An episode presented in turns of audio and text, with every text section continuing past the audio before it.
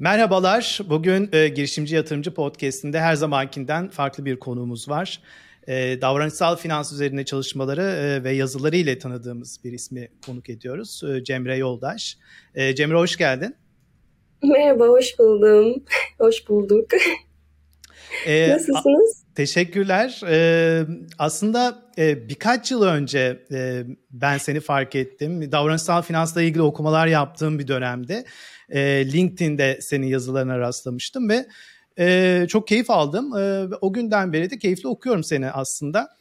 E, yazılarını çok farklı buluyorum, aydınlatıcı buluyorum. E, konuları ele alış biçimin, e, yazı uslubun e, çok hoşuma gidiyor e, açıkçası. E, ve birkaç yerde de yayınlıyorsun bildiğim kadarıyla yazılarını. Kendi web sitesinde de e, yayınlıyorsun. E, bugün biraz e, duygularımızın karar alma süreçlerindeki etkilerini e, ve davranışlarımızın ekonomik sonuçlarıyla ilgili e, konuşalım istiyoruz. E, tabii ki bu konularda da e, bizi en iyi aydınlatacak kişilerden biri sensin.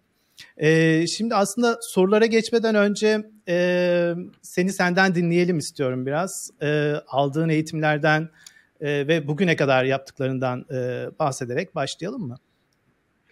Olur, olur. Bir insanın kendini anlatması en zor olan şeydir ama bakalım ne kadarını yapabileceğim. Biliyorum seni Öncelikle... E, çok şey e, e, aslında kendinden bahsetmek çok sevmiyorsun. çok Yok, da mütevazısın bu konuda. ama biraz daha açabilirsin kendini diye düşünüyorum. Çok teşekkür ederim. Çok güzel sözlerdi. Çok sağ ol. Gerçekten onur oldum. Ankaralıyım.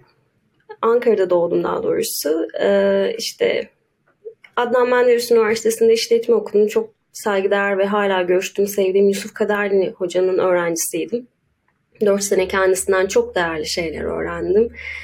Ee, zaten benim davranışsal ekonomiyi seçmemin e, en büyük sebeplerinden biri Yusuf Hoca'dır. Her yerde söylüyorum. Çünkü kendisi bir öğrencinin yapabileceği ya da gitmesi gerektiği yolu gerçekten iyi analiz eden biri. Ben finansı da seviyordum, psikolojiyi de seviyordum, tarihi de seviyordum. Ve o dönemlerde işte 2007 döneminde mortgage krizi olduğunda e, davranışsal ekonomi popüler olmaya başladı diyeceğim. Ortaya çıktı demeyeceğim çünkü zaten ortadaydı popüler olmaya başlayınca Yusuf Hoca bana şey dedi ya böyle bir alan var. Hani sen de aslında her ikisini de seviyorsun. Finansı da psikolojiyi de seviyorsun. Hani bir bak belki hoşuna gider dedi ki ben gerçekten e, hisse analizlerini falan o dönemde yapmaya başlamıştım Yusuf Hoca sayesinde. Yani daha sonra e, bu alanın okumalarını yapmaya başladım ve gerçekten dedim ki bana hitap ediyor. Evet. E, tabii üniversiteyi bitirdim ama bazen hayallerimizi gerçekleştirebilmek için nakdin ve vaktin aynı anda elinizde olması gerekiyor. Ee, ben de o dönem vakit vardı ama nakit yoktu. Öyle bir sıkıntı yaşıyordum. Ondan dolayı yurt dışında bu eğitimi almaya gelmek gibi bir durumum söz konusu değildi. Çalışmam gerekiyordu. Ee, sevdiğim işleri yaptım bu arada. Hani onu söyleyeyim. Önce halk yatırımda, sonra garanti yatırımda, sonra da özel bir şirkette portföy yöneticisi olarak çalıştım ama bankalarda uzman yardımcısı ve uzmanlık görevini yaptım. Hepsinde çok mutluydum çünkü finansın içindeydim, hisse senetlerinin içerisindeydim. Benim için gerçekten keyifliydi ve çok şey öğrendim. Yani benim aslında yatırımcı davranışlarını analiz ederken belki yazılarda geçen konuların daha çok insanların ilgisini çekiyor olmasının nedeni arka planda zaten seansı görmüş olmam, seansta yatırımcıların nasıl davrandığını görmüş olmam. Büyük bir ihtimal bunlar etkili diye düşünüyorum. Çünkü bizzat gözlemlediğim şeylerin daha sonra teorisini öğrenmeye başladım. Ee, tabii yani ben akademiyi seviyorum. Ee, üniversitede bulunmayı seviyorum, okumayı seviyorum. Bu esnada Ankara Üniversitesi'nde e, testsiz yüksek lisans yaptım. E, ekonomi ve mali piyasa analizi üzerine ama bitirme projemi gene davranışsal ekonomi üzerine yaptım. Ardından vakit ve nakiti denk getirdiğim bir zamanda Essex Üniversitesi'ne başvurdum Colchester'da. Kabul aldım. Ee, geldim. Davranışsal ekonomi üzerine orada bir tane daha yüksek lisans yaptım. Şu anda galiba diplomalı bir davranışsal ekonomistim. Ama yetmedi tabii ki de. Üstüne e, bir projem vardı ve çok e, gerçekten projeme güveniyordum. Onun için başvurdum. Şimdi Leicester Üniversitesi'ndeyim. Bunun doktorasını yapıyorum. Ee, gene davranışsal ekonomi üzerine ama daha çok yatırımcı davranışı, borsadaki yatırımcı davranışı üzerine odaklanıyorum. Aynı zamanda öğretim asistanlığı yapıyorum. Şu anki Cemre bu. Harika. Valla e, oldukça dolu bir yayın yapacağız gibi gözüküyor. E, davranışsal ekonomi üzerine e, konuşacağız. Ben önce şunları e, sormak istiyorum. Yazılarına baktığım e, zaman böyle e, mitoloji, felsefe gibi birçok disiplini e, harmanlıyorsun. Aslında davranışsal ekonomi de değil mi bir e, felsefenin bir e, alt dalı. Doğru mu söylüyorum?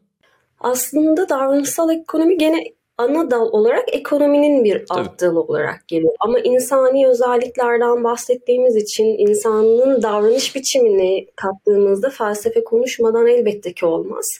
İnsan Hı. faktörü girdiği için elbette ki felsefenin de bir dalı oluyor baktığında. Ama ana dal Hı. ekonomi. Yani şimdi ben desem ki felsefenin ana dalı desem çok fazla kişi bana e, bir olumsuz geri dönüş yapacaktır. Benim gözümde evet felsefeyi kullanmamız lazım. Ne kadar psikolojiyi kullanıyorsak felsefeyi kullanmamız gerekiyor. Çünkü insanlar hakkında ilk sorular baktığınızda yani ilk sorular demeyeyim de bilimsel anlamdaki soruları aslında felsefe soruyor.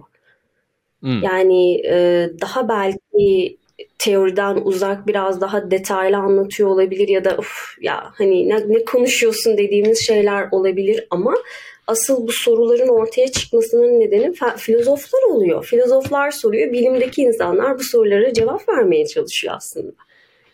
O yüzden benim için felsefe önemli. Güzel söyledin. Ya şunu e, görüyorum yazılarında da hem felsefe hem de mitoloji e, mitoloji alanında böyle harmanlıyorsun e, ekonomiyle birlikte.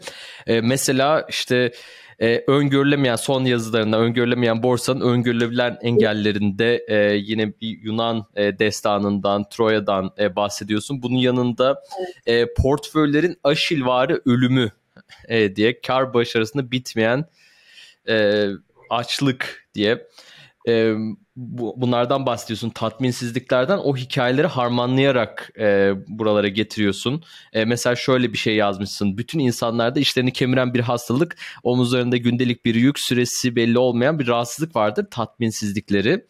E, Aşil sendromu yaşayan yatırımcılarda da gerçek bir doyum ve tatmin söz konusu değildir e, diye söylemişsin. Sonrasında da e, bu yani davranışsal ekonomi kısımlarına geliyorsun. E, şöyle bir soru sorayım. Ee, insan davranışları değişiyor mu yoksa hani mitolojiye de baktığımız zaman eski e, insanlara da baktığımız zaman e, nesiller boyunca benzer davranış kalıplarını mı koruyoruz? Güzel bir soru. Çok teşekkür ederim. Aslında genele baktığımızda bir çerçeve olarak baktığımızda evet insan davranışları genel bir çerçeve içerisinde devam ediyor. Belki derece olarak bazıları daha fazla bu davranış kalıplarını sergiliyor. Bazıları daha sakin kalabiliyor. Çünkü altyapıda aslında hep dediğimiz bir şey var ve bunu biliyorsunuz bilim her zaman diyor. Bir aslında hayvan olarak sınıflandırılıyoruz. Ee, hayvansal güdülerimiz var. Biz şu anda bunları bastırsak da e, içimizde var olan hayvansal güdüleri taşıyoruz. Biz sadece nörolojik açıdan e, bu güdüleri bastırabilecek beynimizin farklı alanlarını kullanabiliyoruz. Ama çok anlık, saniyelik e, bazı durumlarda biz ne yazık ki bu hayvansal güdülerimizi kapatamıyoruz. E, işte çok ağır tepkiler, hızlı tepkiler e, ya da işte hiçbir tepkisizlik anı Bunların hepsi aslında o günlerden geliyor ve evet yıllarca devam eden bir şey. Peki değiştirilebilir mi kısmı aslında önemli. Bazı davranışları değiştirebiliriz, öğrenebiliriz daha doğrusu o davranışımızdan bir şeyler öğrenebiliriz.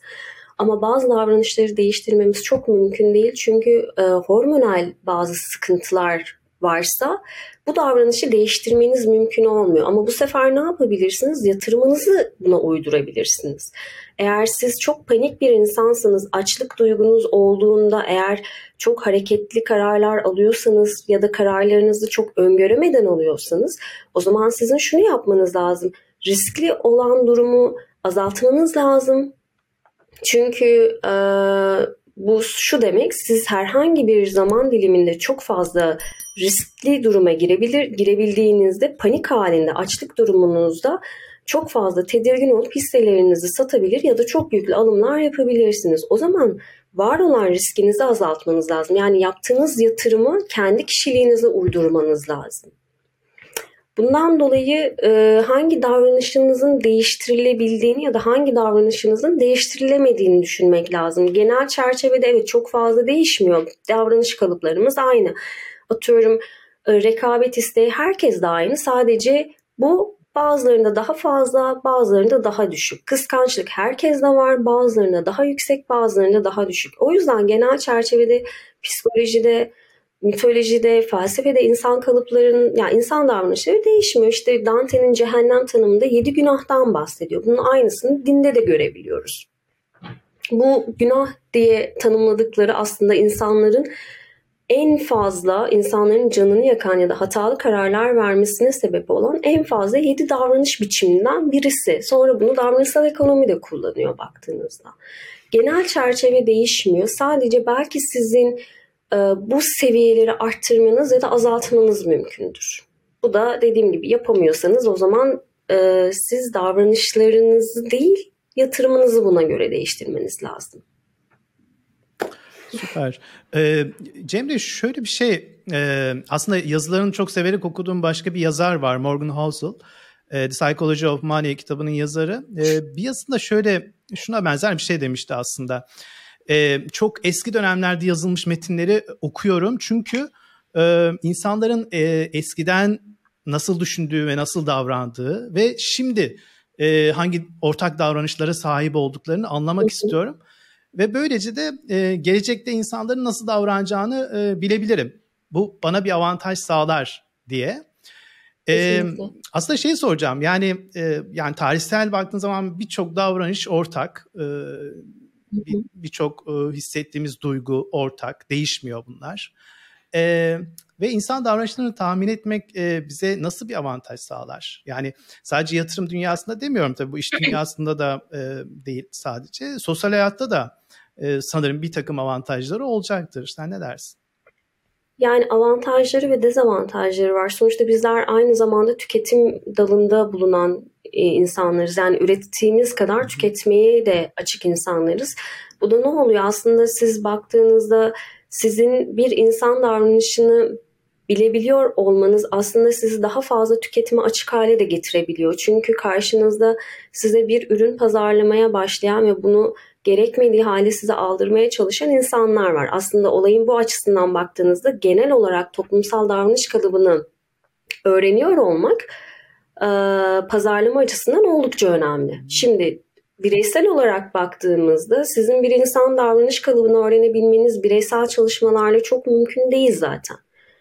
Ee, sadece eğer bunu bireysel olarak yapıyorsanız kendi portföyünüzde var olan zararları ya da karları azaltabilir ya da arttırabilirsiniz.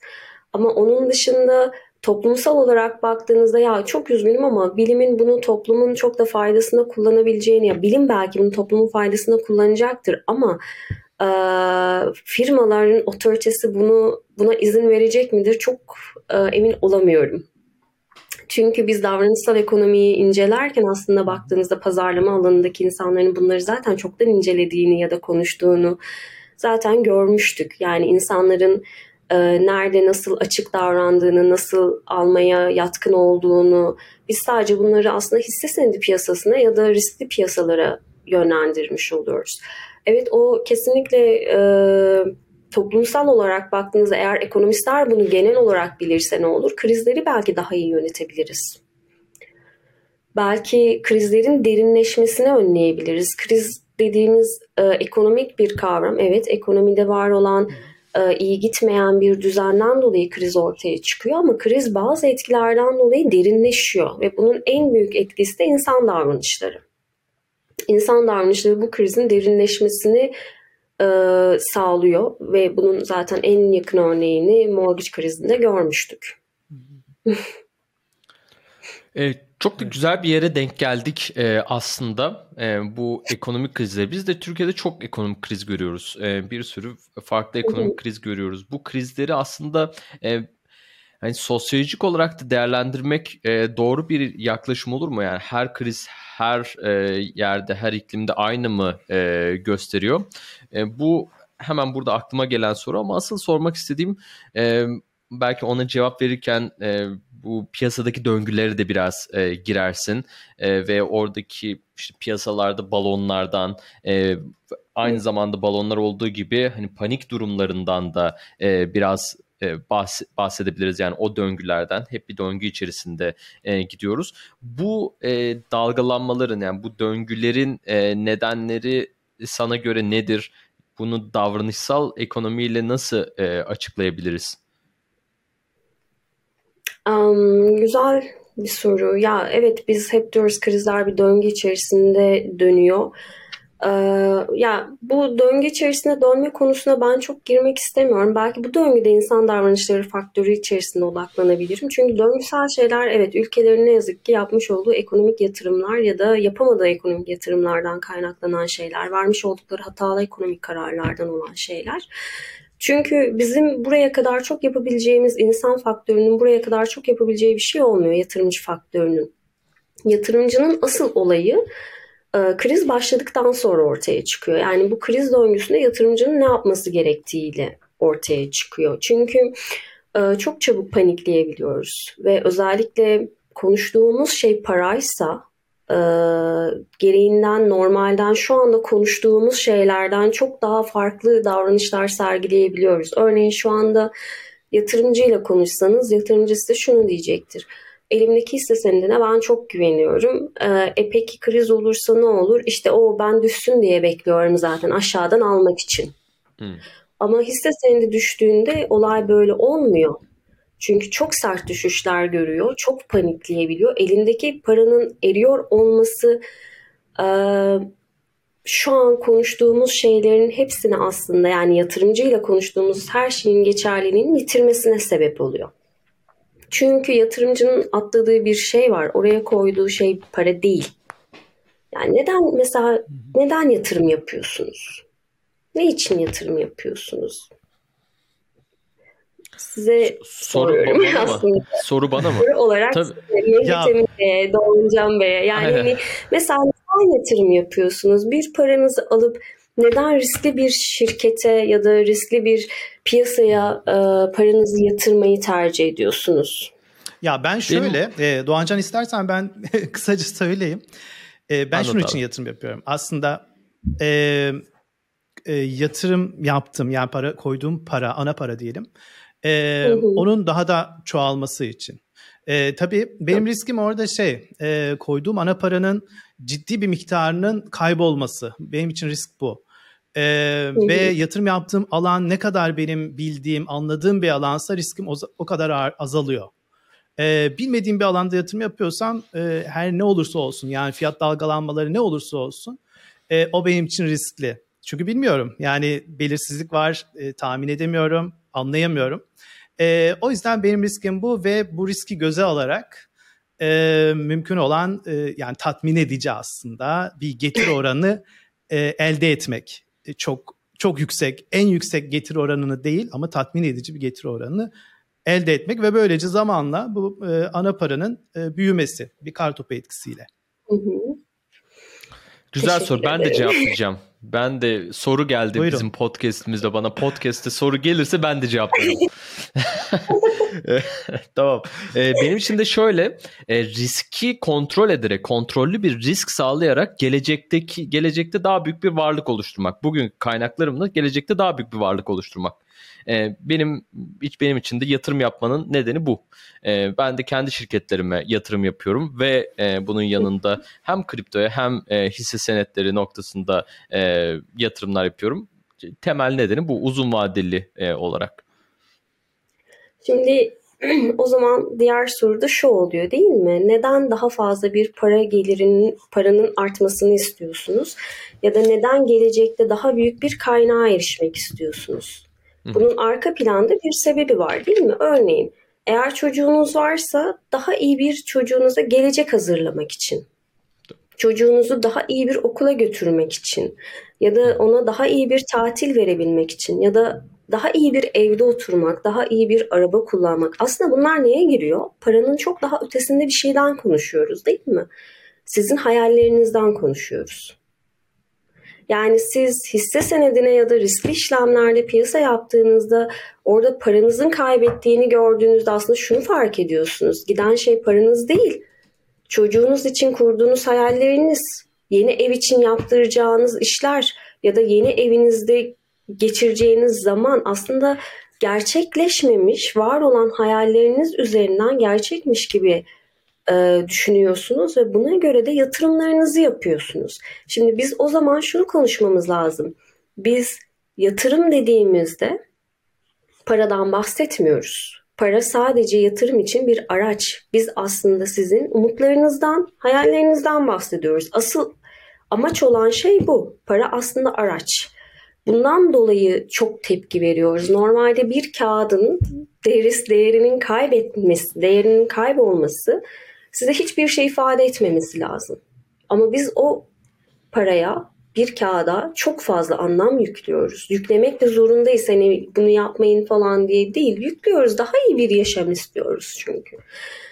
Şimdi kriz aşamasında yatırımcıların önceden düşündüğü şeyin tam tersini yapmasının en büyük sebebi de bu.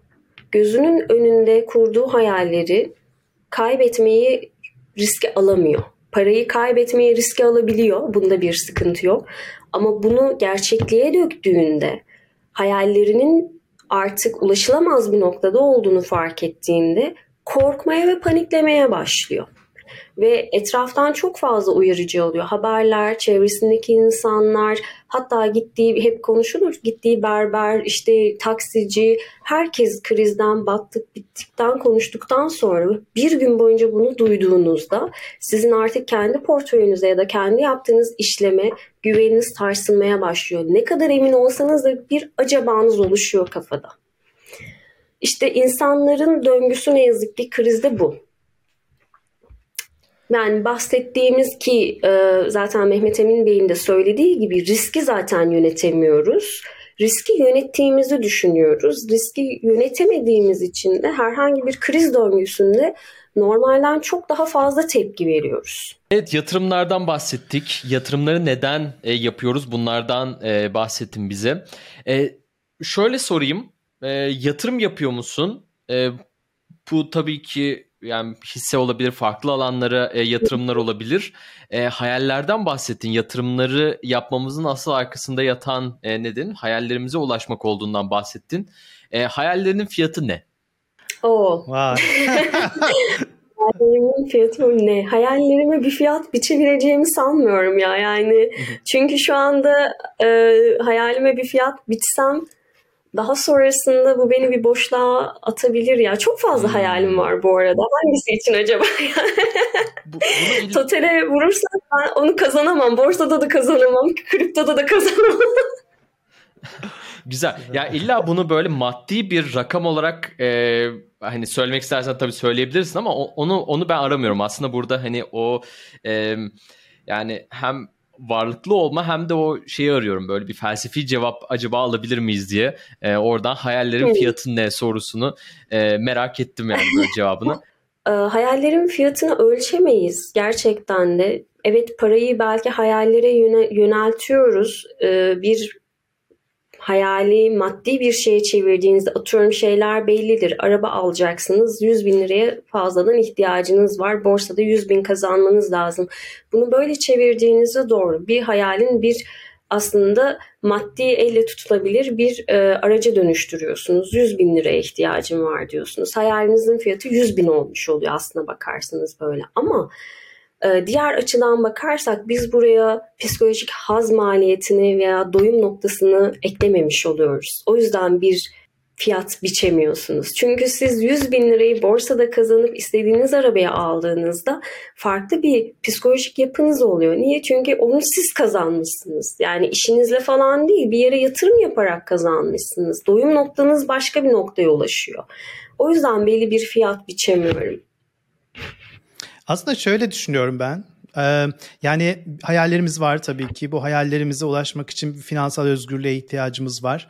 Çalışmadan e, bu hayallerimizi yaşamak için belki.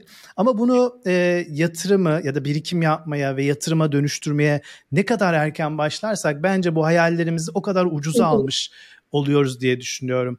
E, çünkü ne kadar erken başlarsak o zaman geçtikçe e, o e, elde ettiğimiz getiriyle o sürekli büyüyor birikimimiz e, ve biz hayalimize daha erken ulaşıyoruz e, ve daha kolay ulaşıyoruz aslında. E, ben doğru, öyle düşünüyorum. Doğru. Yok kesinlikle katılıyorum. Ben ilk işlem yapmaya başladığımda üniversite öğrencisiydim. Bir de hayalleriniz eğer üniversite gibi başlarsanız o dönemlerde yatırdığınız para aslında çok ufak olacak. Aslında bizim Hı-hı. hep yatırımcıları dediğimiz konu şu oluyor borsada işlem yapmaya başlamadan önce ufak bir parayla yatırımınızı yapıp e, bu işlemi bakın hani siz nasılsınız, nasıl davranıyorsunuz, nasıl tepkiler veriyorsunuz. Ama buna işte ne yazık ki işe başladıktan sonra yaptığımızda bizim ufak kavramımız da değişiyor galiba. Yani o riskleri alabileceğimizi düşünüyoruz. Çünkü hazırda gelen bir para var. Yani çalışıyorsunuz, aylık bir para alıyorsunuz kredi alabiliyorsunuz. Hani bu risk limitiniz çok artmaya başlıyor. Ama üniversitede başladığınızda farklı oluyor. Çünkü elinizdeki miktar belli. Çok az bir para yatırıyorsunuz. Korkuyorsunuz çünkü hala aileden gelen bir para alıyorsunuz. Aslında bana göre bir borsayı öğrenebilmek için ya da riskli piyasaları öğrenebilmek için en güzel yer üniversite ya da lise döneminde işlem yapmaya başlamak. Çünkü sizin de dediğiniz gibi daha sonrasında siz işe başladığınızda elinize belli bir para geldiğinde ve tasarruf yapabilmeye başladığınızda zaten hatalarınızın birçoğunu görmüş olacaksınız o döneme kadar. O parayı daha bilinçli değerlendirmeye başlayacaksınız. Yani tasarrufunuzu daha bilerek yapacaksınız. Çünkü bunun arkasında bir 3 yıl ya da 4 yıl zaten bunu görmüşsünüz. Hı hı. Ee, e bu da ne olacak? Tabii ki de sizin burada bir 4 sene daha fazla kazanmanıza neden olacak. Ee, o 4 senede piyasada bir, hepimiz biliyoruz çok iyi getirilere ya da götürülere sebep olabilecek bir 4 senedir. Aslında te- ee, tecrübe yüzden, çok önemli yani bu, bu anlamda. Ya evet önemli. Ee, bu yüzden bence gerçekten lise ya da üniversite öğrencilerinin yapabileceği en güzel şeydir. Bir yatırım aracında kendili davranışlarının ne olduğunu ya da hangi yatırım aracının kendisine uygun olduğunu bulabilmesi. Ee, bu dönemde bunları yapabilmesi çok önemlidir. Çünkü işe girdiğinde, tasarruf etmeye başladığında neye ya da nasıl yatırım yapması gerektiğini biliyor olacak. O yüzden e, evet erken başlamak önemli ama bence üniversite ve lisede başlamak daha önemli. Ya evet dediğin çok doğru aslında e, hakikaten e, yani yatırım dediğin zaman insanlar böyle rakamlar, sayılar, işte piyasada grafikler onları takip etmek gibi algılıyor. Ama bence e, çok daha başka bir boyutu var önemli olan. Yani yatırımın iki boyutu olduğunu düşünüyorum açıkçası. Biraz önce dediğim işte rakamların olduğu niceliksel olan bir yanı. E, aslında birçok veri ve bilgiye ulaşım çok kolay günümüzde ve e, bu anlamda da e, bireysel yatırımcı olarak da çok rekabet üstünlüğümüz yok bu tarafında. Ama yatırımın bir diğer yanı var bence. E, o da e, piyasa oyuncularının duyguları e, çok etkiliyor e, piyasa fiyatlarını. E, ve dolayısıyla bu taraf çok yani insanlar duygularını kontrol edebilirse ve onları onlara yenilmezse ya da e, e, yani sürü psikolojisine girmezse çok daha büyük avantajları sahip olacak diye düşünüyorum. Yani rakamlar ve duygular iki boyutlu diye düşünüyorum yatırımı. Ee, bu ikisini de aynı anda aslında iyi okuyanın e, dediğim gibi yani sürüye e, katılmayıp daha rasyonel kararlar verebilenlerin bu yatırım dünyasında daha başarılı olduklarını da gördüm ben aslında. Doğru, doğru haklısınız. Yani önemli bir süreç. Zamanla oturacak olan bir süreç. Çünkü ne kadar teknik analizi ya da temel analizi iyi yapıyorsanız da rakamlarla aranız iyi olsa da e, piyasada öyle zamanlarda öyle şeylerle karşılaşıyorsunuz ki yaptığınız ne rakamın ya da ne de teknik analizin bir önemi kalmıyor.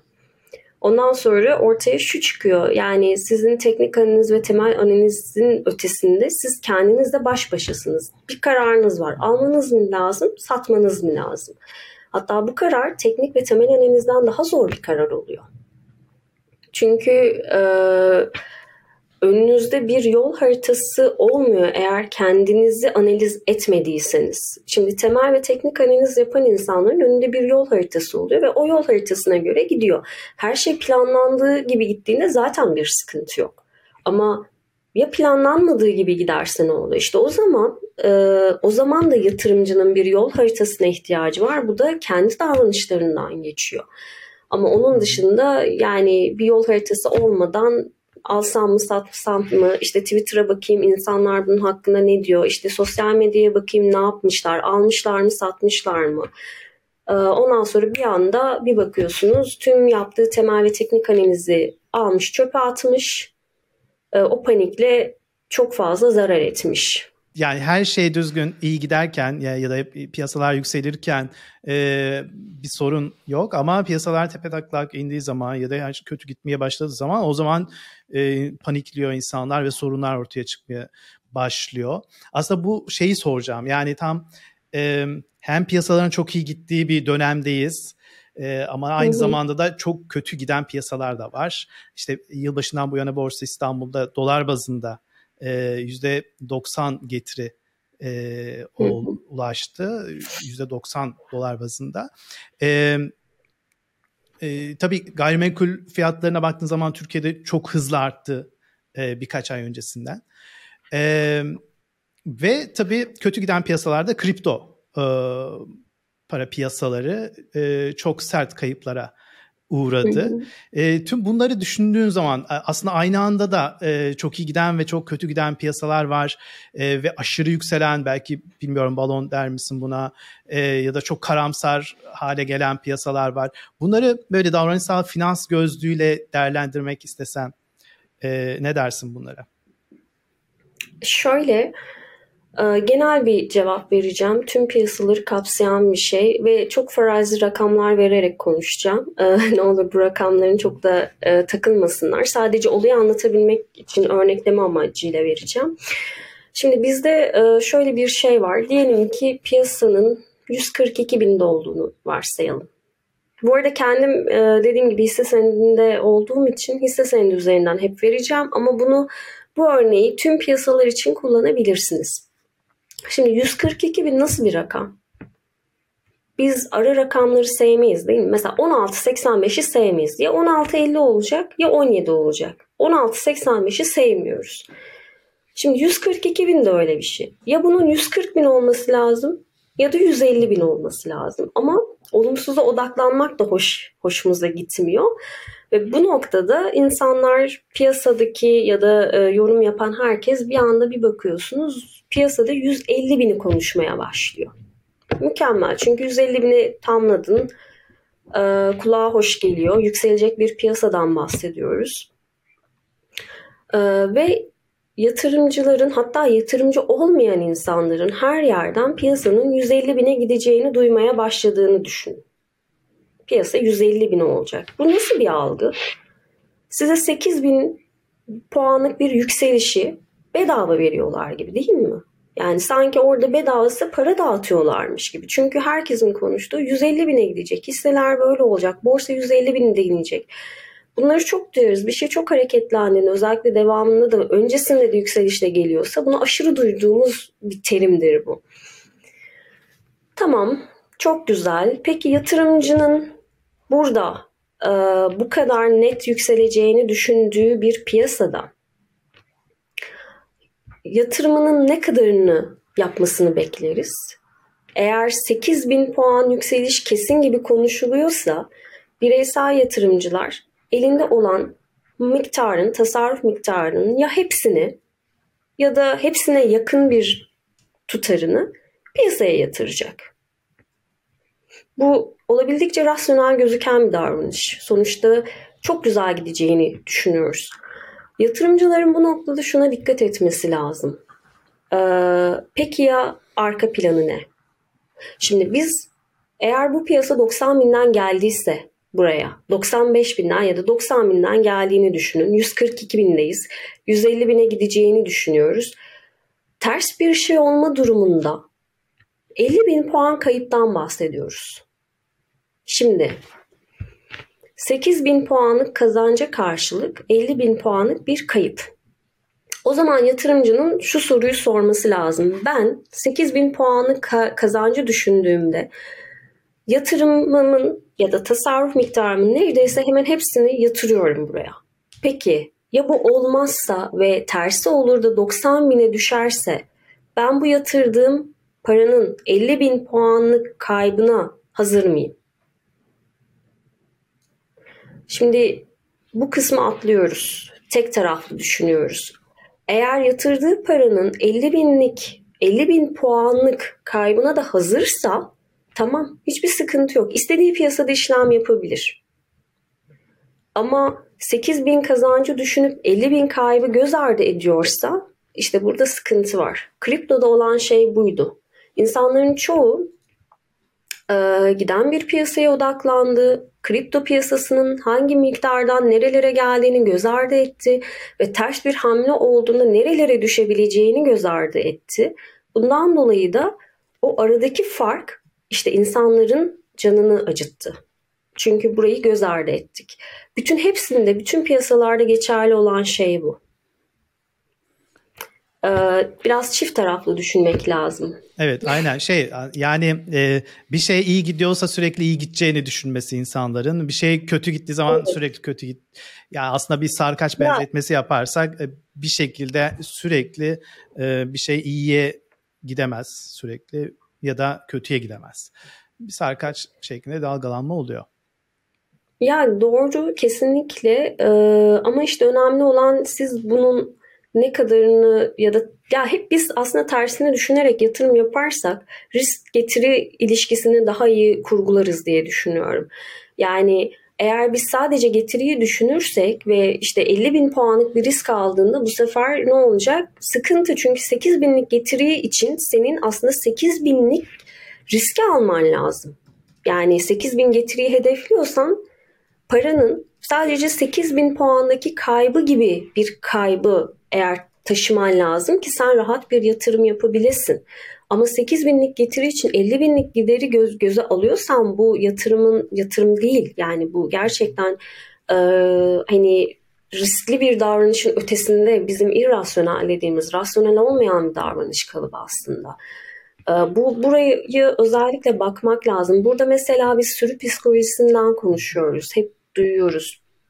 Sürü psikolojisinde bir e, kavram kargaşası var aslında. Çünkü bildiğimiz kavram herkesin her aynı yöne gitmesi gibi. İşte biz diyoruz ki sürü psikolojisini yapan insanlar rasyonel davranmıyor. Şimdi e, bazıları bir davranışı yapmak zorunda kalıyor.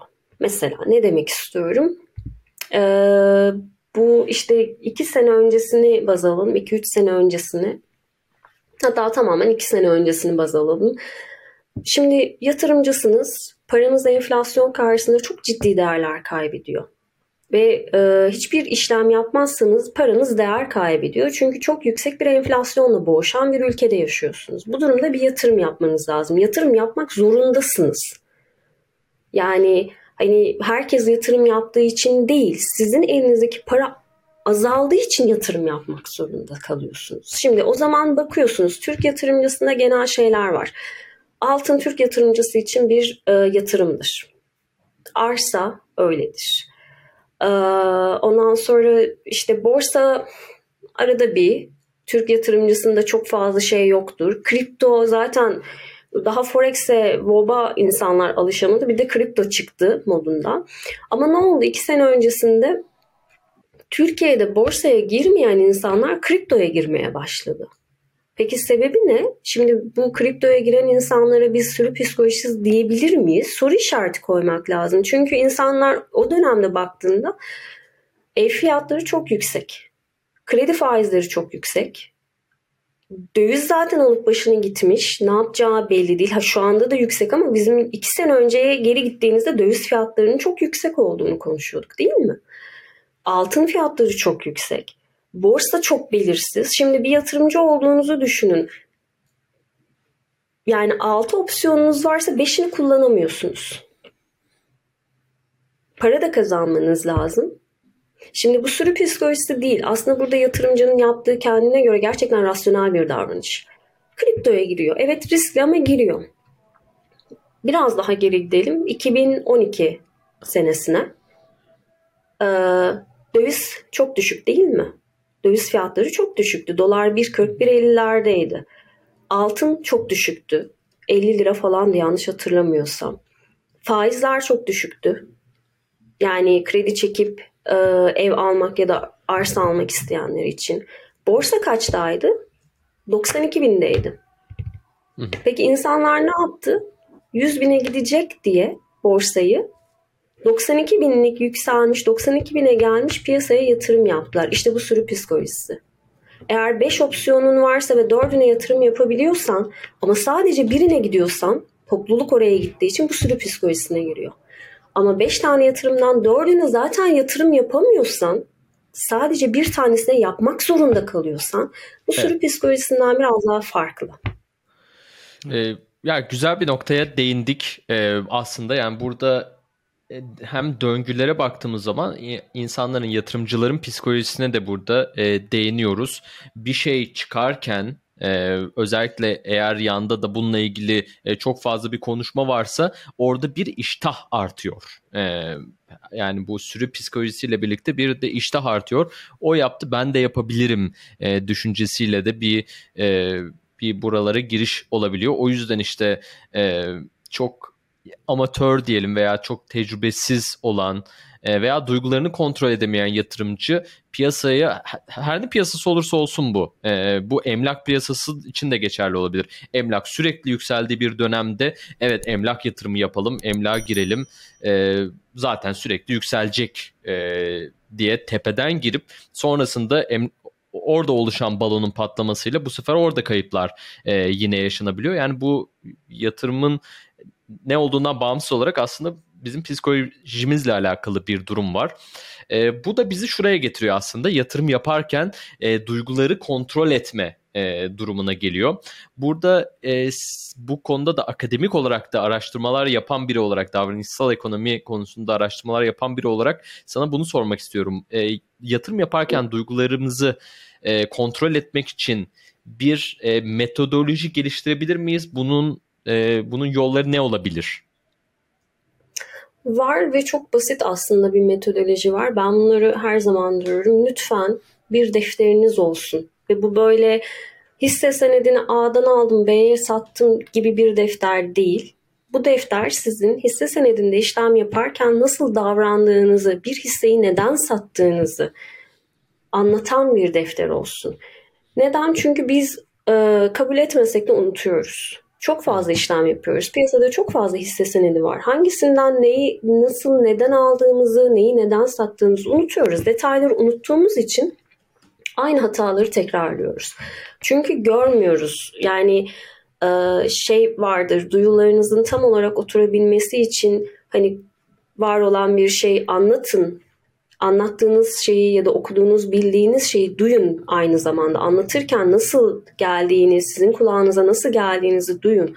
Aynı zamanda yazın, görebilin. Yani neler yapmışsınız, size göstersin, bir haritanızı çıkartın. Şimdi yatırımcı açtığında o defteri, atıyorum bir hisse senedini neden aldı? Herkes konuşuyor muydu aldı? kendi temel analizini mi yaptı da aldı? Teknik analizini mi yaptı aldı? Ne kadar getiri beklediği için aldı? Bu hisse senedini neden sattı? Ne kadar zararla sattı? Getirisini atıyorum %10 getiri beklerken %30 zararla mı sattı? Aradaki %20 kaybı neden yaptı? Neden getiri risk dengesine uymadı? Şimdi bunların hepsinin e, deftere yazdığı zaman ve her hisse senedinde bunu yaptığı zaman zaten ortaya bir şey çıkacak yatırımcı için. Yatırımcı panikliyor mu? Yatırımcı başkalarının sözüne mi çok güveniyor? Yatırımcı grup psikolojisinden çok etkilendiği için çevresindeki insanlar bir hisse senedini alıyorsa onu mu alıyor? Yatırımcı ya da işte benim uğurlu rakamım 8 diyor 8. hisseyi mi alıyor? Yani hani e, yatırımcı davranışını bir hisse senedini alırken neye göre alıyor ya da neye göre satıyor? Şimdi eğer bu yoksa istediğiniz kadar ben şöyleyim böyleyim deyin o yatırım davranışı, davranışı düzeltemezsiniz. Peki Cemre şey... Olmaz. E, ya aslında sen de e, yatırım yaparken birçok hata yapmışsındır eminim. E, ve sen, sen de bir deftere yazmışsındır. Şeyi soracağım. E, senin en çok ders aldığın sonucunda e, hangi hatan oldu? Yani şu hatayı Kendime yaptım ve sonra... Çok net diyorum. Kendime güvenmemek oldu. Ben kendi analizlerimi kendim yapabilen birisiyim. Teknik analizde, temel analizde yapabiliyorum ki yapmasam zaten sevgili Yusuf hocama hakaret olurdu. 4 sene kendisinden eğitim almıştım. Ee, ama ben piyasada konuşulan şeyleri e, çok onlara takılıyordum. Çünkü kendimin yetersiz olduğunu düşünüyordum. Neden yetersiz olduğumu düşünüyordum? Ben piyasada yeni başlamıştım. İşte atıyorum 2 sene, 3 senedir bir çalışanım. Piyasada duayen olan insanlardan bahsediyoruz ya da piyasada işte takipçisi çok olan insanlardan bahsediyoruz. Onların gerçekten e, çok iyi bildiklerini ve benim bu düzeyde yeterli bilmediğimi düşünüyordum. Yani aslında kendime güvenmiyordum, kendi bilgime güvenmiyordum. E, ve onların söylediği düşünceler benim kendi yaptığım analizin önüne geçiyordu. Hı hı. Bu Peki, benim e, yaptığım en büyük hataydı. Ee, evet aslında kendine e, güvenmemek. E, yani şunu sorayım bir de. E, hata olduğunu biliyorsun. Bir şey yapıyorsun, hata olduğunu biliyorsun. E, şimdi aslında ondan ders almak lazım değil mi? E, ilerleyebilmek için. Ve bir türlü de o hatadan vazgeçemiyorsun. Yani hatayı yapıyorsun, tekrarlıyorsun. Öyle bir e, bir finansal hatan oldu mu? Yani bile bile e, yaptığı, ee, o hataya düştüğün şeyler? Oldu. Şöyle bir şey oldu. İşte e, ben şunu fark ettim. Ya evet bir hisse senedinin analizini kendim yapıyorum ve yaptığım analizler çoğunlukla iyi gidiyor, tutarlı gidiyor. Ama ben e, işte o grup psikolojisine çok giriyorum ve ondan dolayı e, diğer insanların söylediği şeyler benim yaptığım analizin önüne geçiyordu ve ben inatla bunları takip etmeye devam ediyordum. Çünkü bir de şöyle bir şey var piyasanın içerisindesiniz yani aktif olarak e, yatırım uzmanlığı yapıyorsunuz. Bir sürü şey duyuyorsunuz. Yani böyle kenara çekilemiyorsunuz. Çok zor oluyor. Muhakkak size bir bilgi bir yerden geliyor ve e, bilgi o kadar çok ki hangisinin iyi ya da hangisinin kötü olduğunu ya da doğru ya da yanlış olduğunu, eksik olduğunu bilemiyorsunuz. Buna bu şekilde fark ettiğim halde uzun süre devam ettim. Zaten en büyük hatam o diye geçiyor. Çünkü hatamın olduğunu fark ettiğimde devam ettim bir de. Ha sonra ne yaptım? Ee, sonra şunu yapmaya başladım. Yaptığım bir analizde olumsuz benim tam zıttımda bir yorum gördüğümde analizime tekrar dönüyordum. Tekrar bakıyordum. Gerçekten bu kişinin dediği çünkü şöyle bir şey var bu arada şunu da belirtmek lazım. Ee, o kişinin söylediği analiz hatalı olacak diye bir durum yok. Kaç tane indikatörden bahsediyoruz? Teknik analizde kaç tane grafik var? Ben A'ya bakıyorsam diğeri B'ye bak bakacak, bakmak zorunda. Çünkü bizim piyasa dediğimiz şey al sattan oluşuyor. Ben eğer alım tarafındaysam birinin de satım tarafında olması gerekiyor değil mi? Yoksa evet. piyasa dediğimiz döngü dönmez. Şimdi karşıdaki insan eğer atıyorum 4'ten almışsa ve 6'da satmak istiyorsa ben 6'dan alamayacağım anlamına gelmiyor. Eğer benim beklentim 8 ise o hissede 6 benim için çok ucuz bir rakamdır. Ama 4'ten alan bir insan yeni bir hisse senedi bulduysa ya tamam 6 benim için çok iyi hedeflediğim fiyattan ben satıyorum demesi o hisse senedinin kötü olduğu anlamına gelmiyor. İşte ben bu ayrımı bu hata sayesinde öğrendim. Ve e, sonra tekrardan kendi yaptığım analizlere döndüm. Benim yaptığım, benim kullandığım indikatörler bana ne diyor? Hani olumsuz bir şey mi söylüyor diye tekrar baktım. Eğer yok bakmıyorsam hala içimdeki yani hani o yaptığım analize hala mantıklı geliyorsa devam ettim. En azından şunu bildim. Yaptığım bir hatayı başka başka birisi yüzünden yapmamışım. Eğer zarar ediyorsam kendi yaptığım gözümden kaçırdığım ya da iyi çalışma yapamadığım bir hatadan dolayı yapıyordum. Bu daha kabul edilebilir bir şey. Hani ama siz güzel bir analiz yapıp başka birinin analizinden dolayı hata ya da zarar ettiğinizde bu gerçekten insanın canını sıkan bir olaya dönüyordu. Buydu. Ee, çok şey öğrendim. Geri plandan bakabilmeyi öğrendim. Ee, o yüzden benim en büyük hatam ve en büyük dersim aynı e, olaydan ortaya çıktı. Çok güzel. Peki programımızın böyle yavaş yavaş sonuna gelirken bu programda böyle bir geriye dönüp baktığımız zaman e, aslında hani senin yazılarında da e, gördüğümüz bu aslında e, felsefi, mitolojik tarafları e, bol bol konuştuk. Dante'nin ilahi komedyasından biraz ufak e, bahsettik, oralara değindik.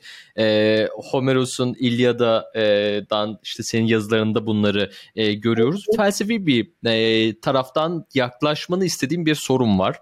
Bu soruyu aslında biz e, birçok yatırımcıya, e, girişimciye de soruyoruz bu e, girişimci yatırımcı podcast'imizde. E, her şey para mı? E, değilse yüzde kaçı para? Para mutluluk getirir mi?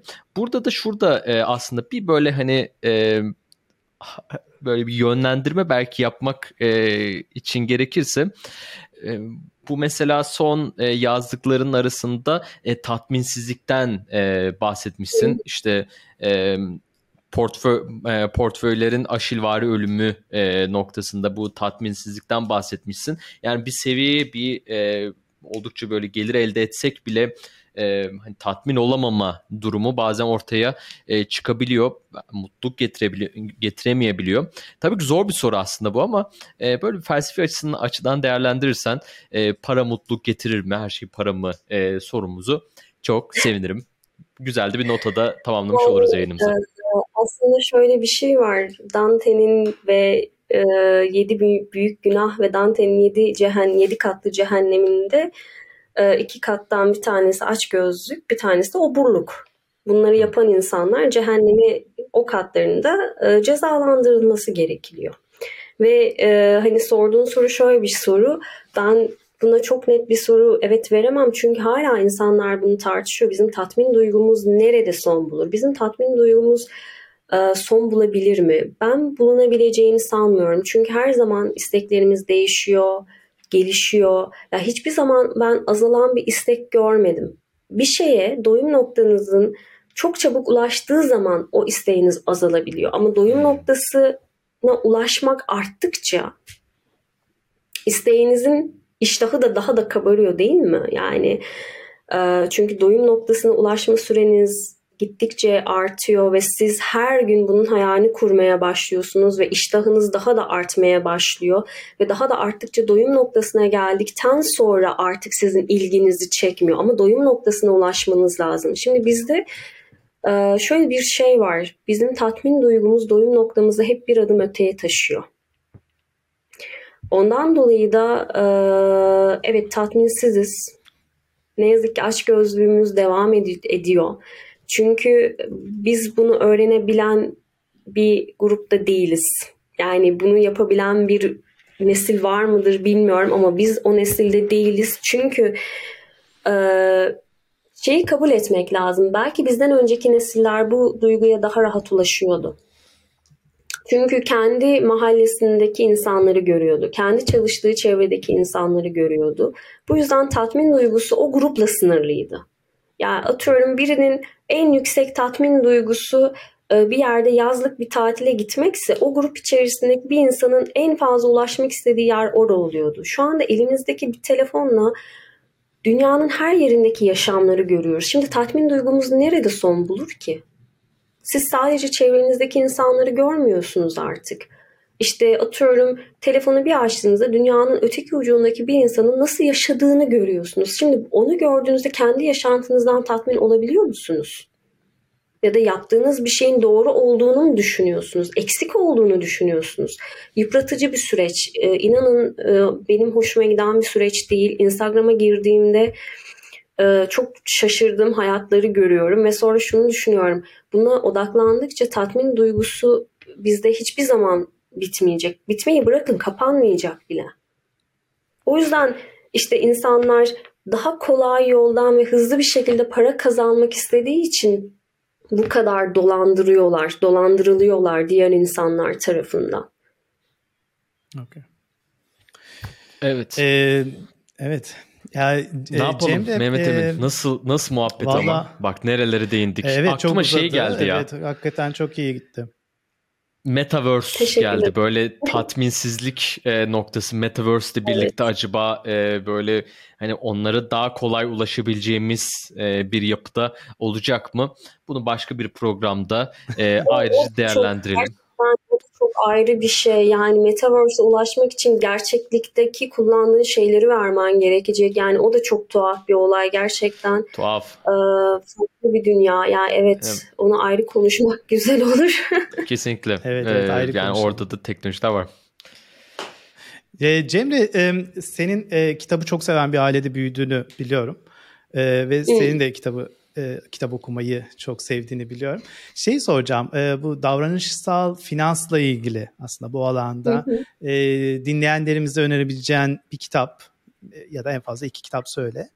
E, var mı önerebileceğin isim vereceğin? Ya çok fazla var ama iki kitapla sınırlamam beni üzdü. ee, üç alalım tamam hadi üç. Üç olsun. Ve buradan başka üç bir olsun. soruya geçeceğim aslında. O kitap isimlerini alalım. E, o sorumu da sorayım. Ya şimdi o zaman beni üç kitapla sınırladığın için kitap isimlerinden daha çok yazar isimlerini vereceğim. Olur. İnsanlar o kitapları, o yazarların kitaplarına gitsin. Üçten fazla kitap ismi vermiş olurum böylelikle. Olur.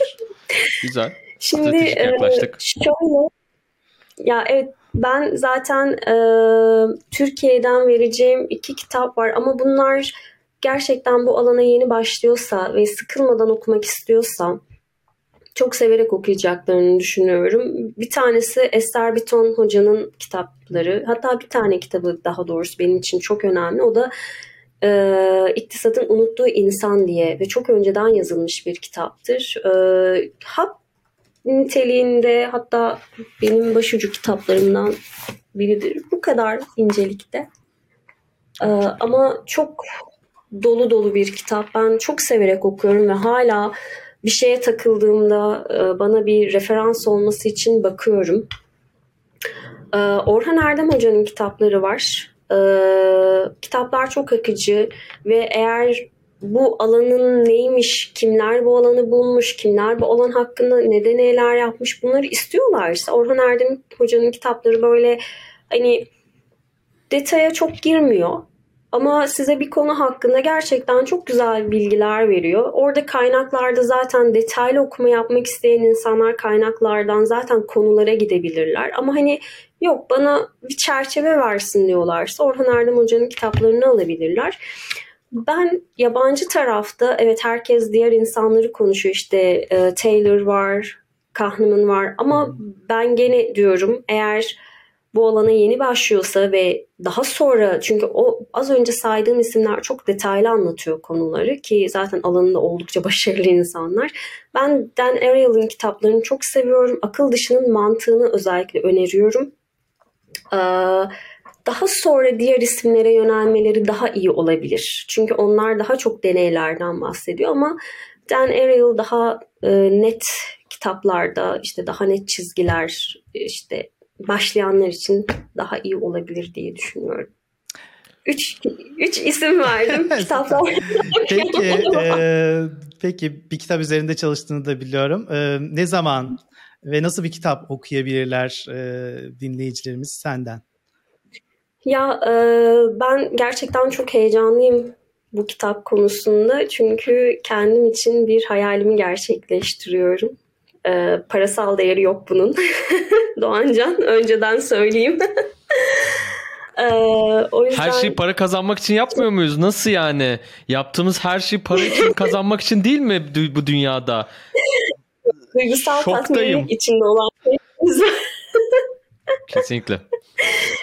Ya e, şöyle kitap Scala'da şu anda Scala tarafından çıkartılacak. Ee, galiba ya yakın zamanda çıkacağını düşünüyorum çünkü düzenlemelerde e, işte biraz ben kitabı masallarla anlattım. O yüzden içeriğinde resimler olabilir. E, kapak buna göre olacak. O yüzden hani insanlar belki ekonomi kitabı e, diye düşünmeyebilirler ama aslında bizzat davranışsal finansı anlatan bir kitap. Sadece e, başlıklar, ana başlıklar, masallar. E, benim birkaç tane aslında yazımda masallar anlatıldı. Masallarla başlayan hikayeler var. Ama tabii yazıdan yani yazdığım site yazılarından sadece bir tanesi orada genişletilmiş halde yer alıyor. Onun dışındakilerin hiçbir site yazısında bulunmuyor. Hepsi yeni yazılmış olan yazılar. Aslında kitap gene benim yazılarım gibi çok fazla konuyu harmanlamış olan bir kitap. Çocuk masalları var. davranışsal ekonomi var, psikoloji var, nöroloji var ve e, aslında küçük bir röportaj da var içerisinde. Her bir e, değerli işte duayen ekonomistler tarafından yapılmış röportajlar da var. Ama böyle röportaj gibi değil, konu içerisinde eritilmiş yazılar halinde bulunuyor. Ee, yani eğlenceli ve dolu dolu bir kitap yaratmaya çalıştım. Ee, umarım güzel olur. Merakla umarım insanlar bekliyoruz. ben de bekliyorum. ben de merakla bekliyorum. Umarım istediğim şekilde istediğim yere erişir. Çünkü ben her zaman e, küçük yatırımcının bilinçlenmesini çok istiyorum. Bunun için ne yapılabilire belki işte site yazılarıyla başladım. Ee, ne yapabilirim site yazılarıyla başladım. Şu anda bunu bir kitaba dönüştürdüm.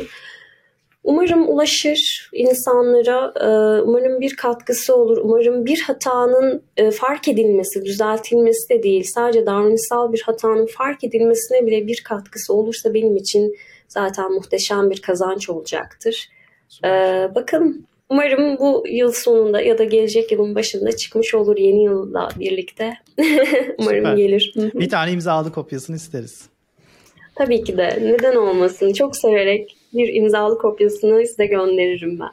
Süper. E, çıktığında biz de burada dinleyicilerimize, girişimci yatırımcı podcastimizdeki dinleyicilerimize e, kitaptan da ayrıca hediye ederiz. E, biz de alıp e, kitaptan ederim. imzalı isteriz ama imza isteriz onda da e, söyleyelim. Tabii ki, o, onu imza, imzalı gönderirim. Evet, Cemre Yoldaş'ı dinledik. Valla çok keyifli bir sohbet oldu. E, davranışsal ekonomi konusunda bahsettik, felsefeye dokunduk.